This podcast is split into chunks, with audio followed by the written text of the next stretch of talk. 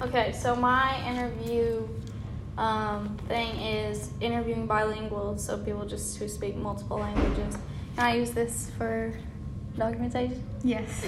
Okay, so first question, we'll just jump right into it. What is your cultural background?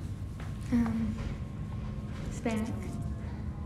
What do you like have? Is there a certain like state in Mexico where your family's from? Um, Veracruz. Mm. Um, let's see. So, um, did your parents come from Mexico here, or were they already here and like they were born here, or They came from Mexico. mm, did you were you born in Mexico? No. How what o- do you know how old they were? Like were they young or were they older when they came over? They're pretty young. Young. Mm. If you were given the chance, would you live in Mexico instead of the United States? Probably. Why? I mean, most of my family's down there, so Mm. Do you visit them a lot? no. No. When's the last time you visited them? Probably when I was three or four. Wow, that's been a while. Yeah. Dang. Hi, Okay, dogs. um, um, what is your favorite tradition in Mexico? Uh, Christmas Eve. Christmas Sorry, Eve. guys. Yeah. Um, what is your favorite food?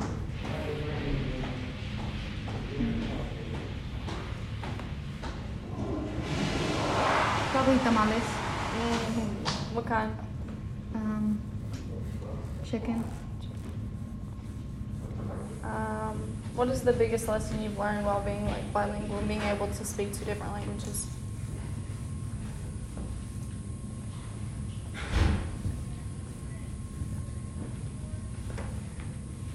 Or like, what have you liked the most about it?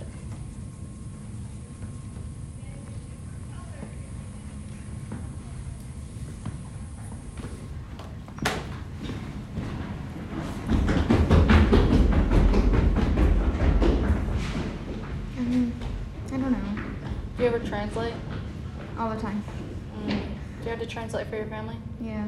They don't speak any English? Nope. None? None. Like none at all. Do you have siblings? Yeah.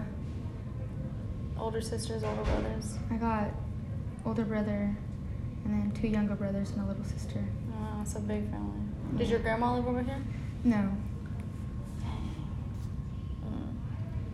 Um, let's see. Mm. Hmm.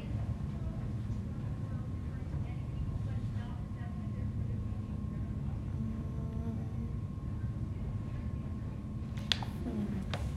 What was the other question?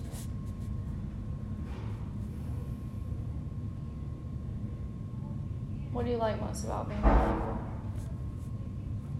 Just having the chance to talk two different languages. Mm. Mm-hmm. Yeah. Okay.